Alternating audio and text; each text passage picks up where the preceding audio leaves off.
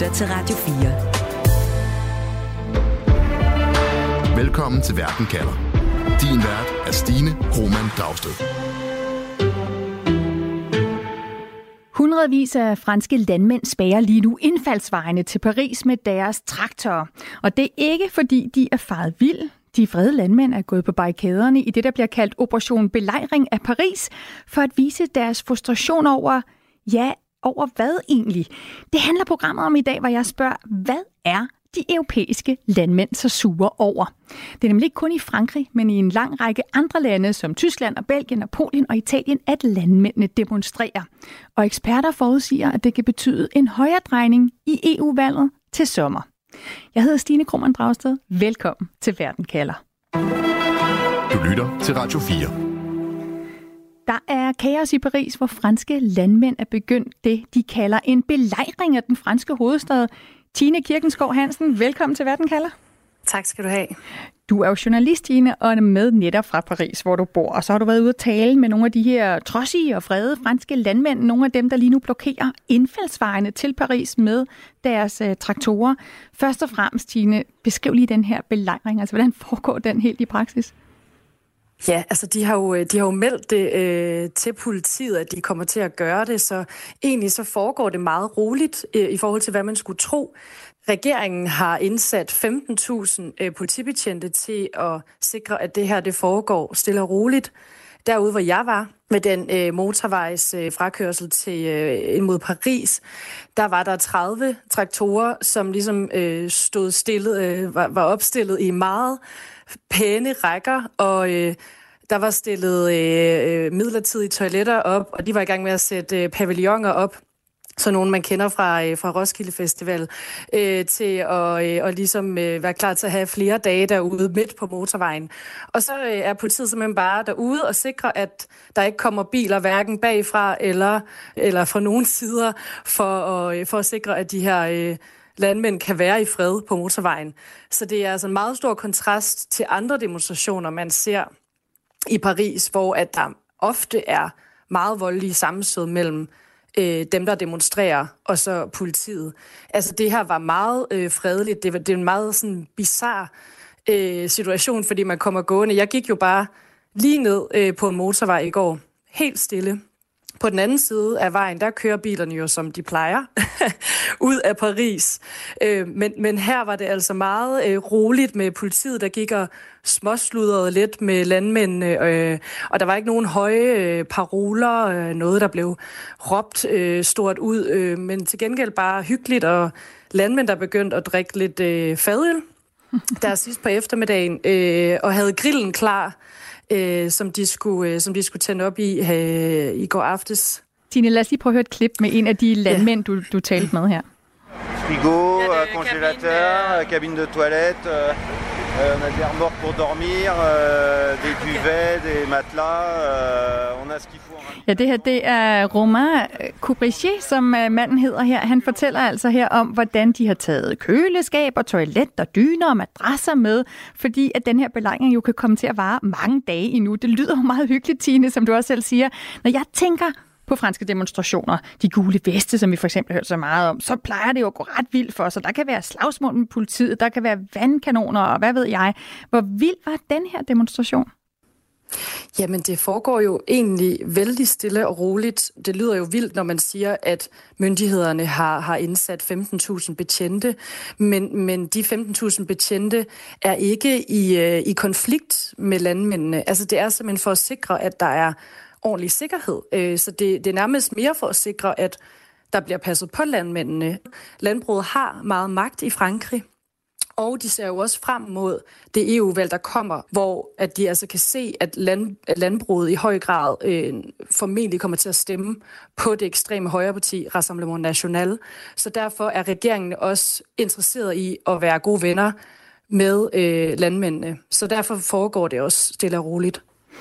Tine, altså det her, det er jo så en motorvej, du har været ude på, som landmændene har blokeret, så man ikke kan køre ind til Paris. Nu er de også troet med at blokere adgangen til et af Paris' største madmarkeder. Hvor kritisk vil det være for priserne?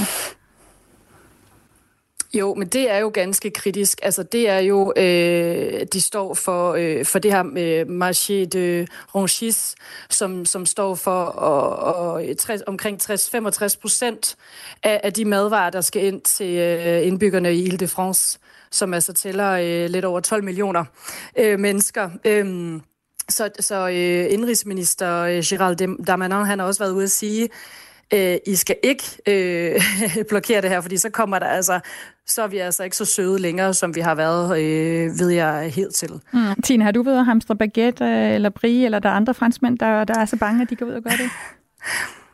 Det er ikke sket endnu. Jeg har ikke selv gjort det.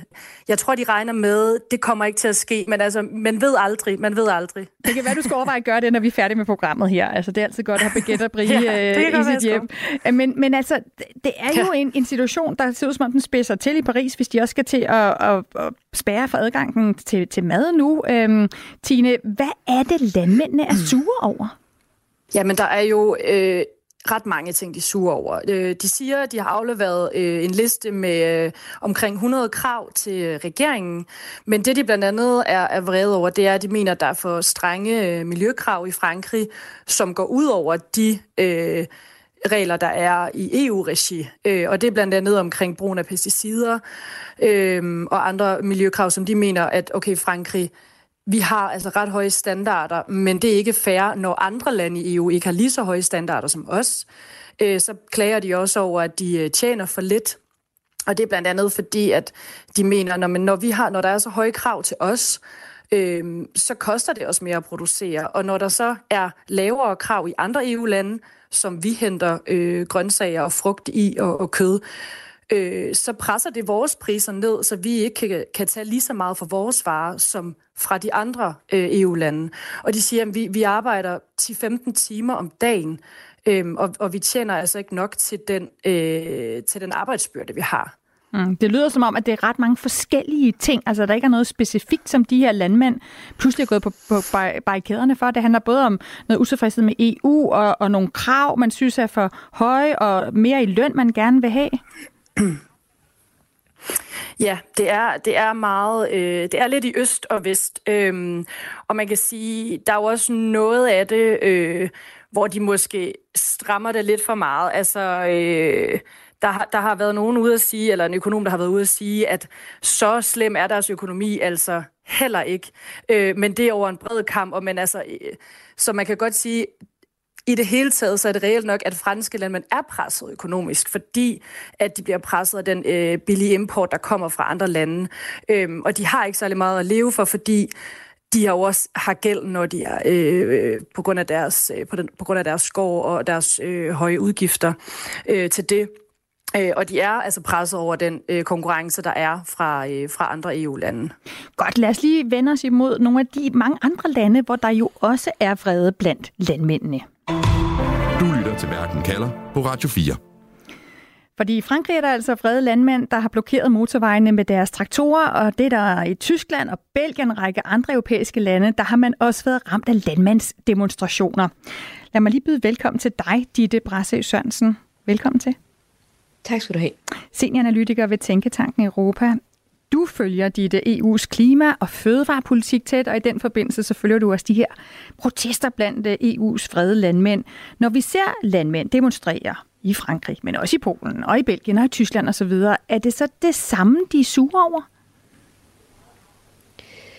Jamen, det er vigtigt at starte med at sige, at der er jo et kan man sige, et nationalt element i alle de her protester, som, som vi også hørte før, så har de, øh, de franske landmænd kommet med en, en række krav til den franske regering, hvor nogle af dem jo også går på øh, nationale forhold, nationale miljøstandarder.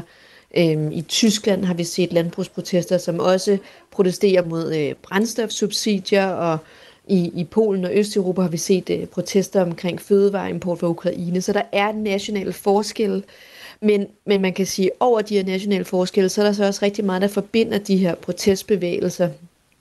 Altså man kan sige, fælles for dem er, at der både er øh, en utilfredshed med de krav og den lovgivning, der kommer fra EU, både den miljølovgivning og de klimakrav, der allerede øh, er indført, men, men også en kritisk afventen øh, omkring, hvad der kommer fremadrettet øh, her øh, omkring Europaparlamentsvalget, øh, hvad der kommer på dagsordenen der og videre frem. Så det er den ene ting. Og så er der også på tværs af de europæiske protestbevægelser, vi ser en vrede, der går på øh, de lønforhold, de sociale, økonomiske forhold, der, der gælder for landbruget i Europa, hvor man synes, at man tjener for lidt og, og, og har for hårde sociale vilkår. Så Ditte, det lyder som om, det er svært at sige, hvem der er skurken her ifølge de europæiske landmænd. Altså er det EU, eller er det deres egne regeringer? Jamen, jeg tror, svaret er både og øh, i virkeligheden, fordi der er jo øh, både national og europæisk lovgivning, som, som rammer øh, europæisk landbrug på forskellige vis.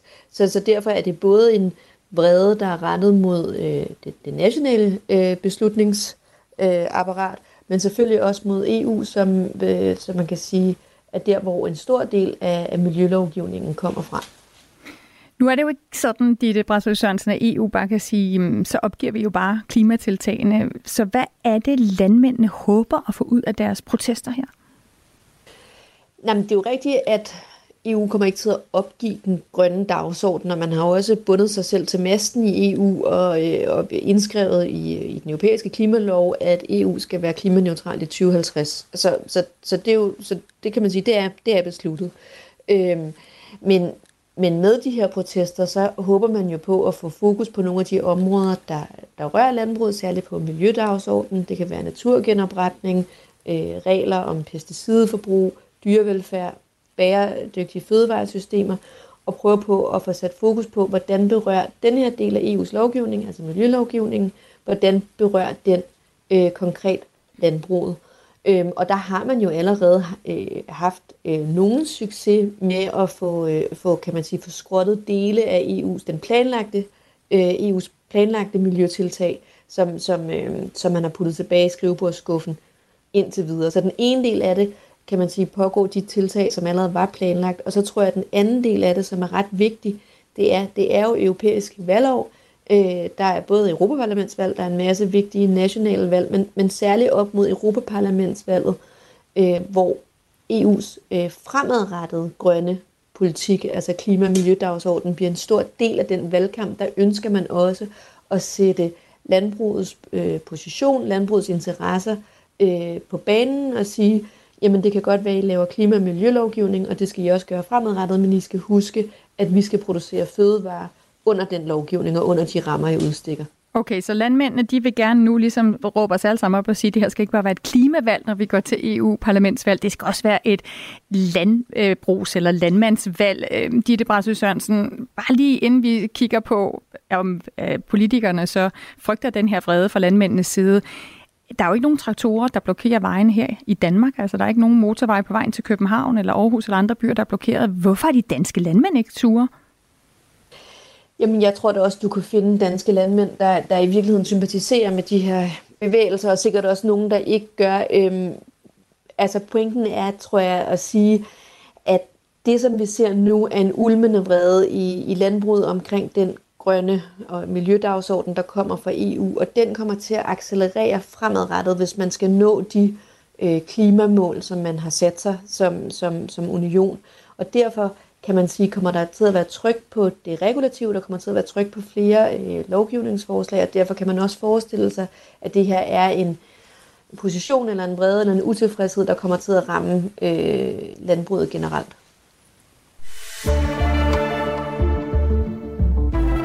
Til Verden kalder på Radio 4. Lad os komme tilbage til de franske motorveje, hvor traktorer altså holder og spærer for trafikken ind til Paris, og det har du været ude at opleve, Tine Kirkensgaard Hansen, journalist bosat i Paris. Tine, er folk i Paris sådan pisse trætte af, at de her landmænd blokerer vejene, tror madforsyning ind til deres by, eller er de ligesom politiet egentlig meget venlig stemt over for de her vrede landmænd? Ja, de er øh, faktisk enormt øh, venligt stemt. Jeg synes, det var meget overraskende at være derude i går, hvor, at, øh, hvor jeg jo ligesom hører, altså fordi, fordi på den anden side af vejen kan vi jo se dem, der kører væk fra Paris, de sætter farten ned og, øh, og begynder at dytte og stikker øh, tommelfingeren ud og øh, råber lille blø og altså kommer fuldstændig med deres støtte og og det kan man også godt se i, øh, i en øh, meningsmåling, som lige er blevet lavet, hvor 87 procent af franskmændene bakker op om landmændenes øh, protester. Så, så der er altså enormt stor støtte til dem. Lad os lige høre, hvordan det lød, da du var ude ved den her traktordemonstration.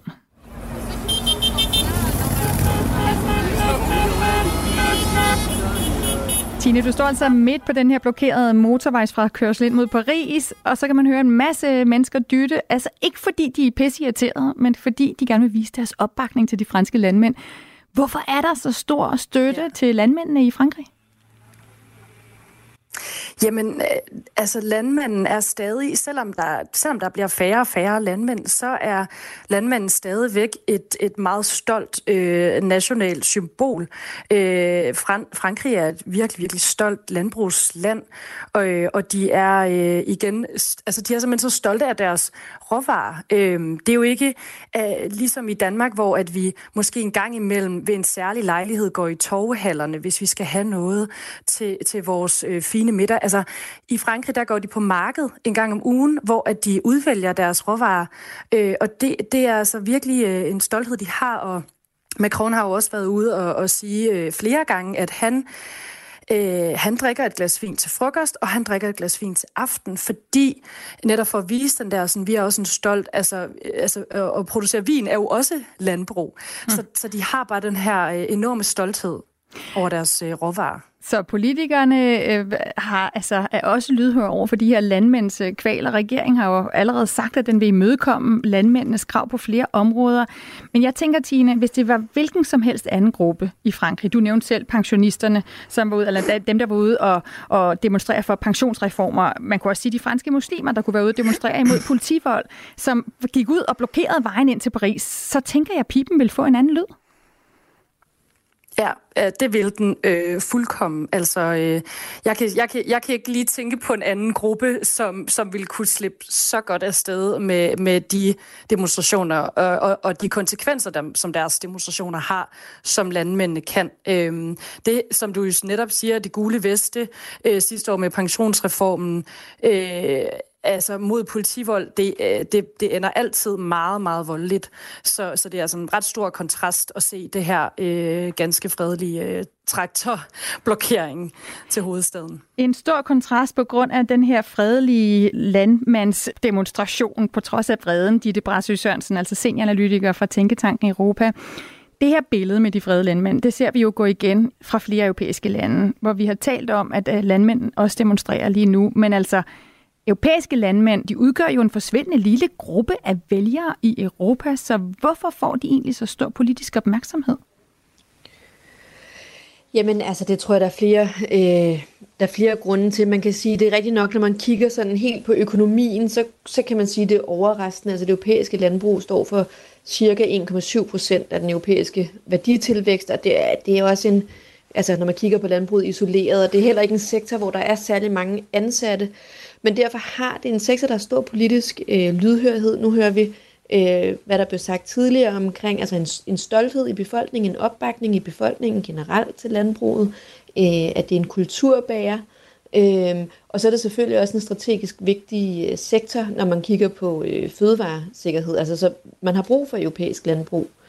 Øh, men når det er sagt, så tror jeg heller ikke, man skal være blind for, at denne her protestbevægelse, de her landbrugsprotester, vi ser, at de rækker meget bredere ud i samfundet end, end selve landbruget. Øhm, det er cirka 30 procent af den europæiske befolkning, der bor i landområder, og de her protestbevægelser handler jo ikke kun om den person, der er landmand. Det handler også om den ulighed, der er mellem land og by, de sociale uligheder, de økonomiske uligheder. Øhm, og det er jo også det, som man kan sige, man pirker lidt til med de her protestbevægelser, og det har jo været tidligere meget voldsomt, som I også har været inde på. Og vi så jo øh, en række landbrug, eller landmænd øh, i Bruxelles i den her uge trække i gule veste, og det er jo også et symbol på, at de ligesom også ser, jamen prøv at høre, vi taler ikke kun om landmænd, vi taler faktisk også om en, en bredere utilfredshed i samfundet, som øh, som handler om øh, ja, land-by-konflikter, økonomisk ulighed osv. Og så kan det være, at der er større lydhørhed også øh, altså fra politikere, både nationalt og på EU-plan, men, men det, vi kommer jo hele tiden tilbage til, at noget af det landmænd er utilfredse med, det er den her mængde af krav, der har at gøre med EU's grønne dagsorden med klima og miljø. Du siger, at der er jo ikke nogen vej tilbage der. Det står simpelthen i EU's forfatning nu. Kan det få konsekvenser for EU's grønne omstilling? At det står ikke i EU's forfatning, det står i helt almindelig EU-lovgivning, men, men det er selvfølgelig også vigtigt. Øhm, og ja, det kan stadigvæk godt få øh, konsekvenser for EU's grønne omstilling. Altså, som det er en debat, vi også har haft i Danmark om, at den grønne omstilling øh, kræver også, at man får befolkningen med på den, at man kontinuerligt har, øh, hvad hedder det, folkelig opbakning, selvom at man har indskrevet det i lov. Så det, at man ser denne her slags protester, som igen går længere end landbruget, det går også ud på, kan man sige, økonomisk ulighed, øh, hvad hedder det, øh, folk, der bor i områder, som bliver særlig ramt af den grønne omstilling osv. Det kan jo sagtens stadigvæk have øh, hvad hedder det, et aftryk i det, den måde EU arbejder med den grønne omstilling på, ved at man for eksempel sætter øh, mere fokus på retfærdig omstilling, øh, øh, omfordeling øh, til, til befolkningsgrupper, der bliver ramt osv. Så derfor kan man jo godt, selvom man øh, bibeholder øh, overlæggerne, altså man bibeholder målsætningerne frem mod øh, 2050 og klimaneutralitet, kan man jo godt med andre po- øh, politiske initiativer prøve på at dæmme op omkring den utilfredshed og komme det i møde. Og det tror jeg, man vil prøve på.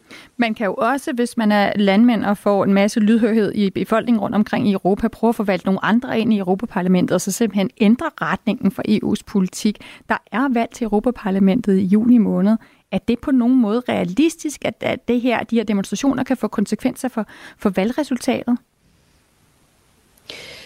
Jamen, det vi kan se øh, fra de meningsmålinger, der er kommet øh, øh, frem mod Europaparlamentsvalget, det er, at man forventer, at de øh, politiske grupper, der står til højre fra midten, vil, vil stå til et godt valg. Altså de vil få en, en fremgang. Men jeg synes, det som måske er vigtigt at bide mærke i, det er, at kristendemokraterne, det vil sige den store borgerlige gruppe i, i Europaparlamentet, at de har ændret position på mange af de her områder.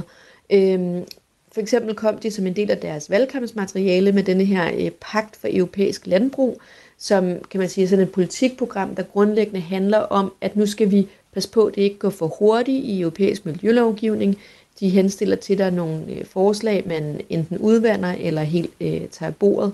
Så det, at man, øh, kan man sige, i, de, i, i en af de store øh, centerpolitiske grupper i Europaparlamentet ændrer position, er nok, kan man sige, mere øh, har nok større indflydelse på, øh, på retningen i Europaparlamentet, end, end det, at vi ser nogle vælgere gå øh, ud til de partier, der ligger langt ude til højre, fordi de har mindre aftryk på EU's øh, lovgivning. Radio 4. Ikke så forudsigeligt. Europa er ramt af en bølge af vrede landmænd. Fra Sicilien til Berlin, der har de demonstreret ved at spærre vejene med deres traktorer. Og ikke mindst er også de franske landmænd gået på barrikaderne i det, der nu bliver kaldt Operation Belejring af Paris. Men spørgsmålet er, hvad er de europæiske landmænd så sure over? Ditte Brasse Sørensen, hvis du skal opsummere, hvad er så dit svar på det spørgsmål? Jamen, de europæiske landmænd er sure over, at de øh, føler, at de bliver ramt af øh, en stigende grad af miljølovgivning og høje krav fra EU, samtidig med, at de så øh, føler, at de får for lidt i løn og står i en svær social øh, situation. Og Tine Kirkensgaard Hansen, du har jo været ude at tale med nogle af de fredede landmænd, der netop står ude for Paris. Hvad siger du, hvad er dit svar på det her spørgsmål om, hvad de franske landmænd så er så sure over? Ja, men de mener jo, at de, øh, de arbejder for meget. De, øh, de arbejder de her 10-15 timer om dagen uden at få øh, nok løn. De skal leve op til de her strenge miljøkrav uden at blive kompenseret økonomisk for det. De føler ikke, de er blevet hørt, og nu har de fået nok, simpelthen. Og så må vi jo se, hvor lang tid det fortsætter. Er der noget bud på det, Tine? Altså, de landmænd, du har talt med, har de sagt noget om, hvor, hvor lang tid de fortsætter belejringen af Paris? Altså, de siger jo, at de er, de er klar til at blive på ubestemt tid på de her motorveje, men øh, der afventes øh, en, en, øh, en snak, øh, landbrugsministeren skal snakke med, øh, med EU onsdag, og øh, så har de ligesom sagt, okay, vi afventer lige og ser, hvad der kommer de næste par dage, men hidtil, øh, så har de sagt, at de er klar til at blive, så længe de kræver. Det lyder også sådan, hvis de har både det er, køleskab, det er jo lidt usikkert. ja, hvis de har køleskab og sovepose og alt muligt andet med. Jeg tror, Tine, du skal ud og købe det der baguette og- brie. Men tusind tak, fordi du var med, Tine Kirkensgaard Det kommer jeg Hansen. til. Selv tak. Det var en fornøjelse. Journalist bosat i Paris. Og også tak til dig, Ditte Brasø Sørensen. Selv tak. senioranalytiker ved Tænketanken Europa. Du har lyttet til Verden kalder med mig, Stine Krohmann Dragsted. Programmet er tilrettelagt af Mads Anneberg og Nana Chili Guldborg. Vores redaktør er Camilla Høj Eggers. Du har lyttet til en podcast fra Radio 4. Find flere episoder i vores app, eller der, hvor du lytter til podcast. Radio 4. Ikke så forudsigeligt.